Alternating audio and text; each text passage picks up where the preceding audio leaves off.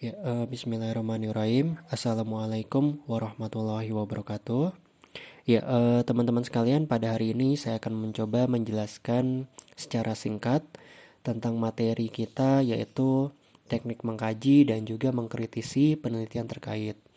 Nah, penelitian terkait ini kan sebenarnya pada tugas sebelumnya waktu sebelum UTS ya. Jadi kan Bu Ami dulu sempat minta juga teman-teman untuk mencari penelitian-penelitian terkait uh, yang berhubungan dengan topik tugas teman-teman.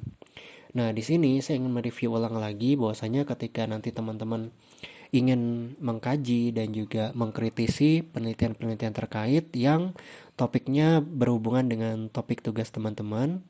Nah, di situ kan uh, teman-teman kemarin uh, pertama pertama kali yang dilakukan ya teman-teman kan mencari ya. Jadi teman-teman mencari penelitian-penelitian uh, yang berhubungan dengan topik tugas teman-teman. Jadi teman-teman pun dibebaskan di sini boleh mencari yang uh, jurnal ataupun artikel ilmiah yang uh, berbahasa Indonesia ataupun berbahasa Inggris gitu. Jadi sesuai dengan nanti uh, kemampuan teman-teman juga. Nah, dari situ nanti kan teman-teman akan diminta untuk membaca ya, membaca, memahami uh, dan juga menuliskan kembali hasil uh, review teman-teman gitu kan, hasil analisis teman-teman terhadap penelitian tersebut melalui teknik annotated bibliografi ya. Jadi eh, teman-teman uh, untuk teknik annotated bibliografi juga pekan lalu saya juga sudah sempat saya sampaikan juga materinya juga sudah saya share di Allen. Jadi nanti teman-teman ketika mencoba uh, tadi ya membaca, memahami, menuliskannya kembali dengan teknik annotated bibliografi.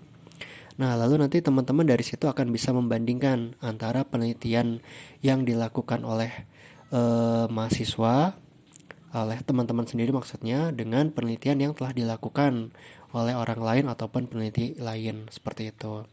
Jadi di sini eh, teman-teman membandingkan persamaan apa perbedaan dengan penelitian atau tugas yang teman-teman akan lakukan. Nah, apa sih yang perlu dibandingkan pada saat teman-teman ingin mengkaji ya, mengkaji dan mengkritisi penelitian terkait? Ya pertama teman-teman bisa membandingkan dari studi kasusnya gitu kan. Apa studi kasus yang teman-teman angkat dalam tugas gitu kan. Terus dibandingkan dengan studi kasus yang uh, dijelaskan pada penelitian terkait tersebut gitu. Nah, terus metode apa yang digunakan gitu kan. Misalkan dalam hal perancangan atau dalam hal uh, pengembangan aplikasi atau misalkan dalam hal implementasi metode apa yang digunakan dalam penelitian-penelitian terkait Terus teman-teman juga bandingkan juga dengan metode yang akan teman-teman lakukan. Jadi nantinya teman-teman akan dapat gambaran metode apa nih yang terbaik ataupun sesuai dengan uh, studi kasus, dengan permasalahan yang teman-teman coba uh, jawab atau atasi seperti itu. Lalu dari segi hasil penelitian atau outputnya apa yang dihasilkan dari penelitian-penelitian tersebut gitu. Sehingga nanti teman-teman dapat gambaran atau dapat bayangan gitu kan nantinya output yang akan teman-teman lakukan atau teman-teman hasilkan nanti ke depannya seperti apa. Terus dari segi objek penelitiannya juga Kalaupun misalkan nanti teman-teman mengangkat topik tentang pengembangan aplikasi, teman-teman juga bisa membandingkan dari framework yang digunakan gitu kan. Misalkan framework PHP ataupun framework Java seperti itu. Nanti teman-teman bisa bandingkan antar framework mana yang sesuai, mana yang paling ideal dan mana yang sesuai dengan kemampuan uh, coding teman-teman.